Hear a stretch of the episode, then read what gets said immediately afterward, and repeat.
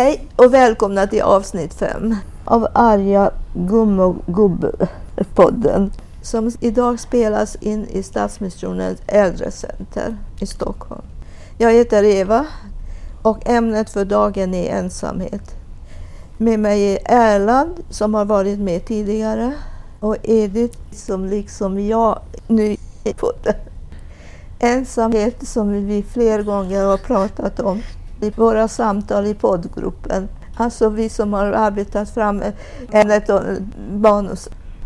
Ensamhet är, tycker jag är en ledsam ord. Jag vill inte ha det som titel. Men där blev jag nedröstad. Ja, det blev du.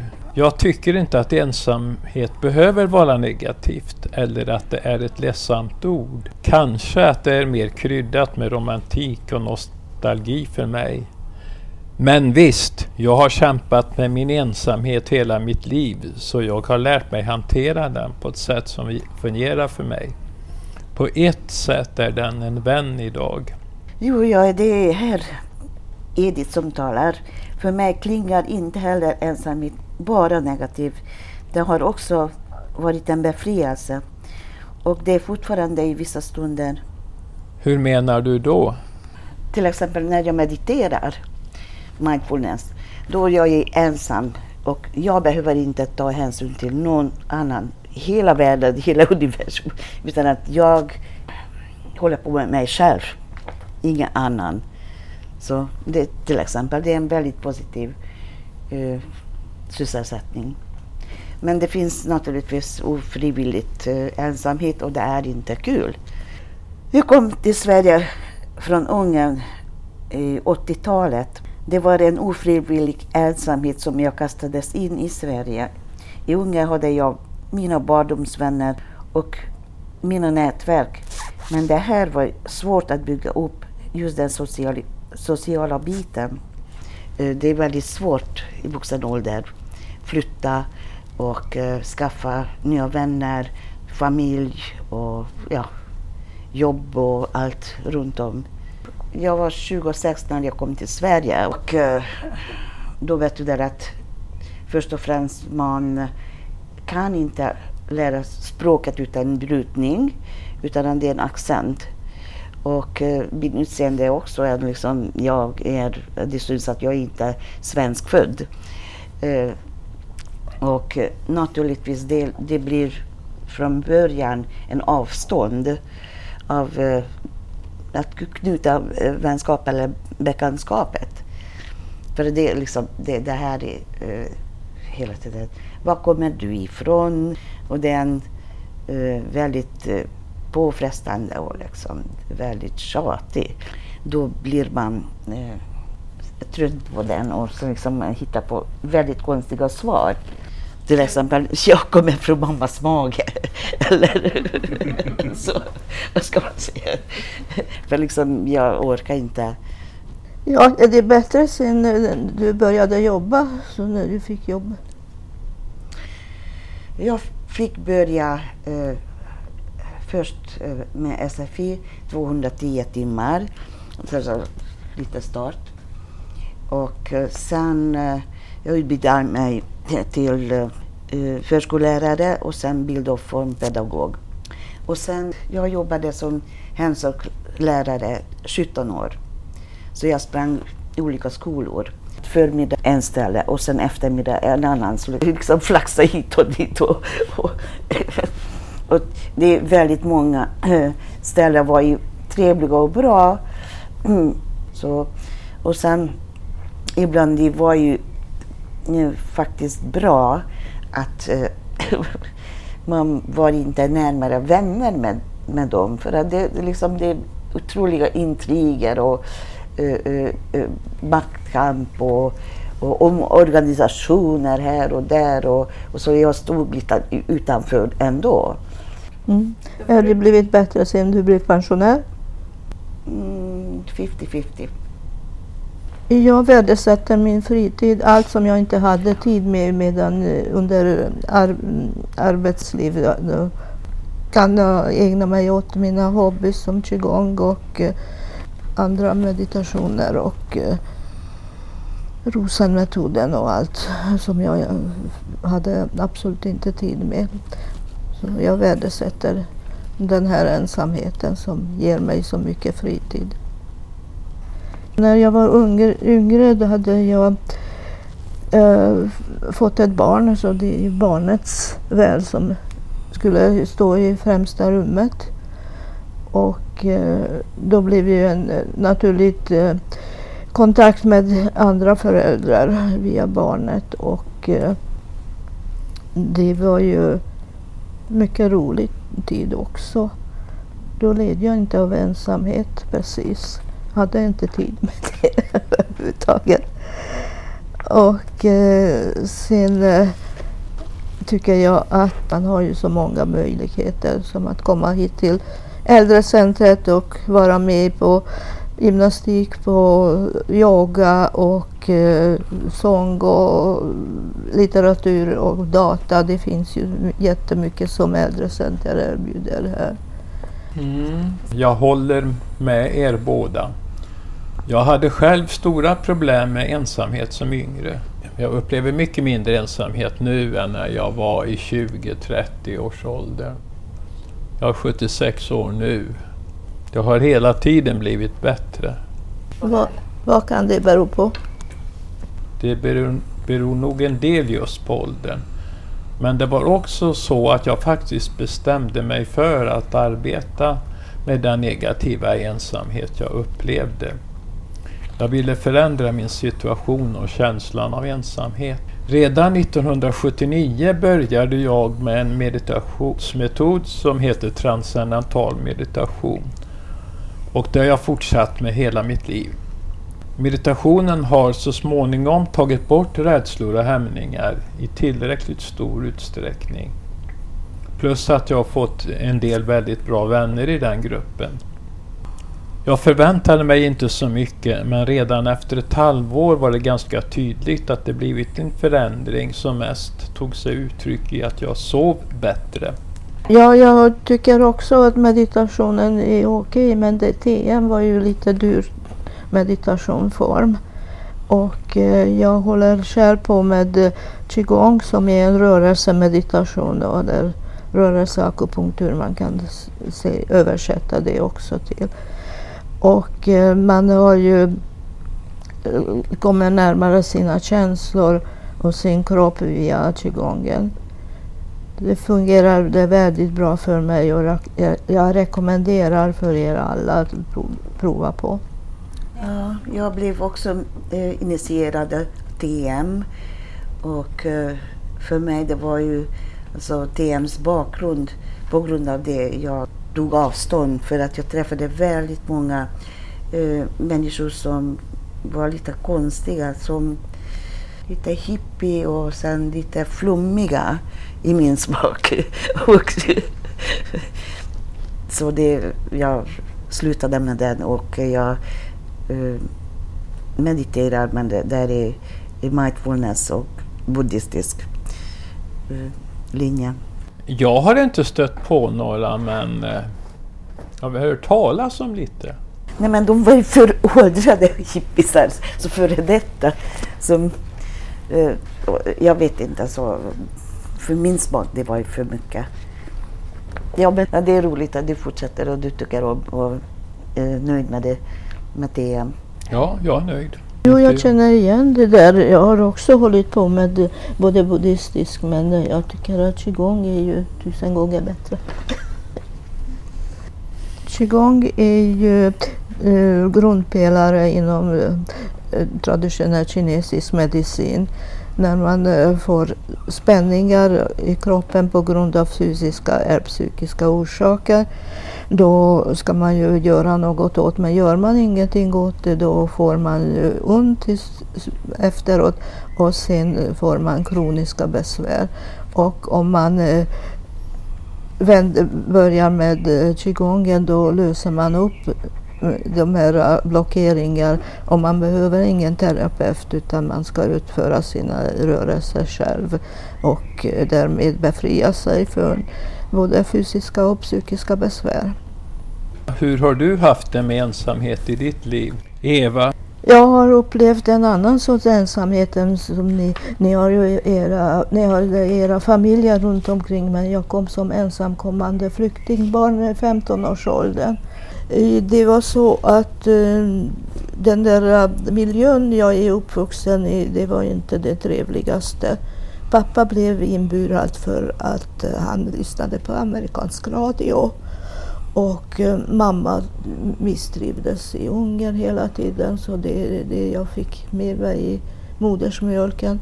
Och 1956 när det var Ungernrevolt, hade ju min bror flytt och jag flydde efter. Och, eh, min bror han eh, hamnade i Linköping, fick en kurs till filmmekaniker för att alla eh, fabriker skrek efter arbetskraft. Men jag var ju för ung för att placera mig i yrkesskola så jag fick klara mig själv.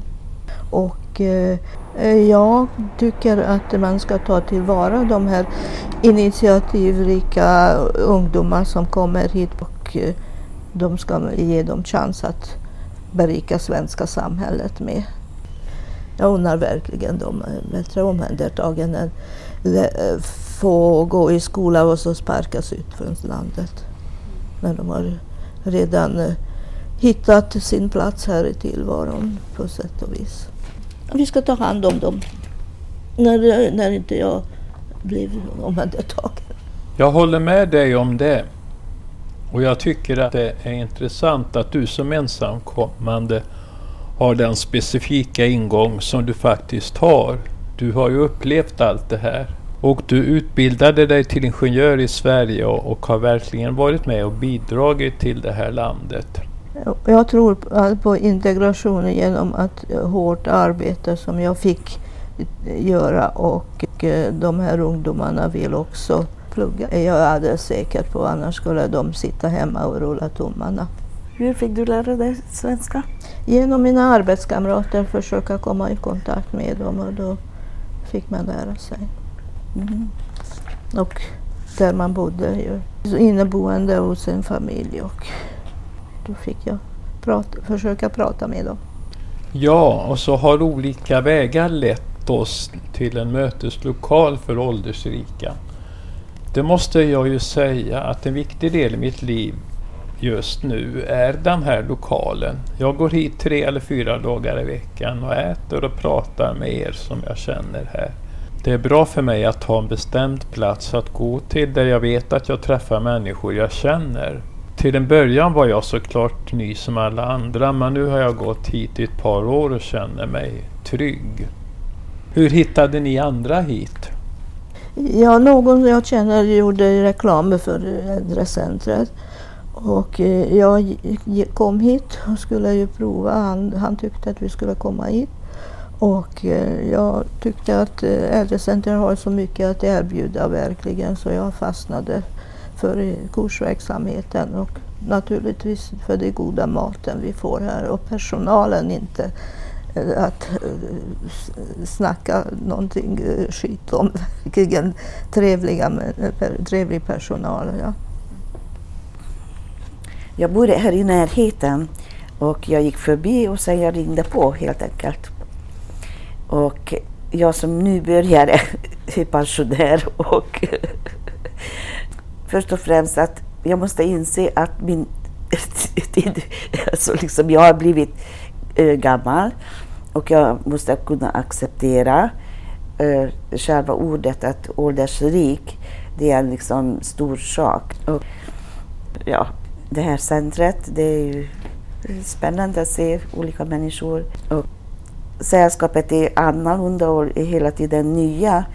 Alltså liksom, det kommer okända personer och det är ju väldigt brett. Eh, alltså liksom, eh, kvinnor och, och, män och rika och bildade och obildade eller liksom mindre.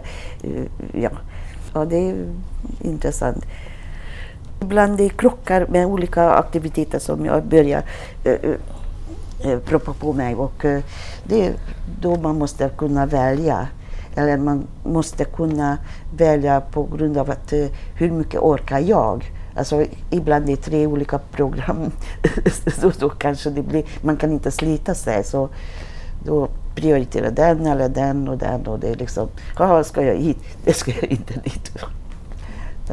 Det är ingenting annat. Men ja, det finns, eh, som Eva sa, det finns trevlig personal, volontärer och speciella liksom, människor som man kan lära känna.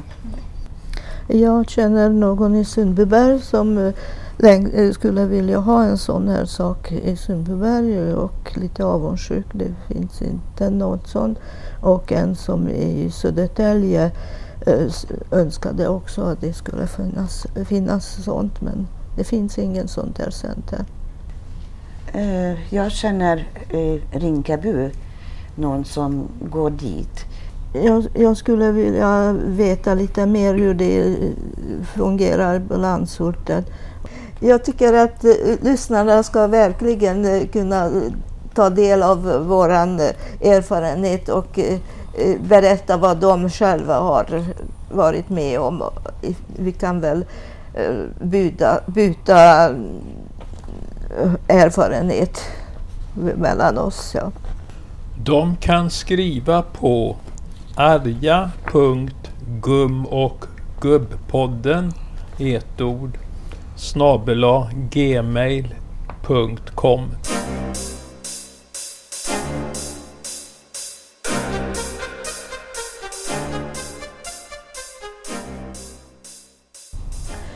Ja, jag tycker när andra sätter igång och börjar eh, klaga på sin ensamhet för mycket, då drar de ner mig också. Men eh, det är så svårt att övertyga sådana som är ju jättedeppiga. De ska ju vända sig till läkare och inte till mig. Jag har ju sådana i bekantskapskretsen. Damen i frågan, om nu har hon lyckats bli placerad faktiskt i äldreboendet. Men förut var det hemskt att alltid bara klaga, klaga. Mm. Jo, jag känner igen gnäll, liksom det negativa, alltså vistas i den där eh, situationen. Det är ungefär samma att, att någon kommer på att eh, något sjukdom har man och då blir en hel identitet en sjukdom som gående sjukdom. Det är ungefär så det är också med, med, med, med ensamheten som någon upplever sig själv att, eh, och då liksom begränsa sig. Jag märker ju att folk är sådär. De tycker det. De lämnar ut sig själva för mycket om de pratar om sin egen ensamhet. Och sin egen rädsla. Ja. En i vår grupp har skrivit en dikt om ensamhet. Ja, ska vi be Lasse som jobbar här på Stadsmissionens äldrecenter att läsa den här dikten? Ja, ja, ja verkligen. Ska jag börja eller? Varsågod, här är din text. Tvåsamhet och ensamhet i boende och i förhållande. Ensamhet och parsamhet i förhållande. Ensamhet fast man är tillsammans med någon. Ensamhet i äktenskap. Ensamhet fast man är tillsammans med någon. Rumslig ensamhet. Geografisk ensamhet. Bo i torpet, på landet. Enkling eller änka. Långt ifrån familj, släkt och vänner. Psykologisk ensamhet. Övergivenhetskänslor vi har många äldre på äldreboenden. Stressen gör att man inte har tid att hälsa på de äldre. Fysisk ensamhet. Lite som rumslig, men behöver inte vara det. En partner har dött. Existentiell ensamhet i universum om man står ute på ett berg och man ser inga människor. Ensam ute i naturen. Själens obotliga ensamhet. Social ensamhet Inga vänner. Barnen har övergivit föräldrarna. Har inte tid att hälsa på. Kommer inte på besök. Ser fram emot att familjen kommer på påsk och jul. Om en månad. Ingen förstår hur jag tänker, hur jag menar och känner. En munk har valt att vara ensam för att söka Gud. Hitta en tvillingsjäl, då känner man sig inte ensam. Jag har träffat flera som har gjort det på äldre dagar. Frivillig eller ofrivillig ensamhet. Ensamhet är individuellt. Min upplevelse är min ensamhet. Den äger jag. Ja, ja, tack ska ni ha för det här mötet och eh, jag hoppas verkligen att många som hör av sig och skriver till oss. Vi vill ha era erfarenheter också. arja.gum och gubbpodden i ett ord snabela gmail.com Och nu är det dags att avsluta för idag och tacka vår producent Estrid Bengtsdotter. Ja, jag vill tacka för det här samtalet och det har varit givande för mig. Tack själva.